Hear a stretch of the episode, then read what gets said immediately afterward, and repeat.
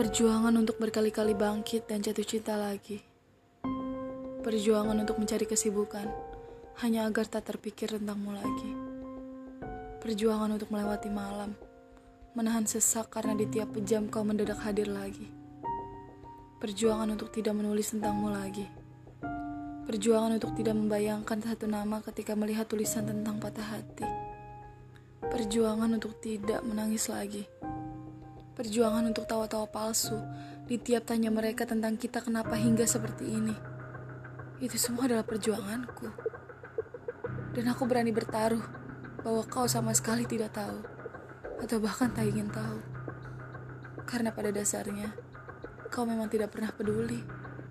Seakan melepasku kemarin, kau tidak sakit sama sekali.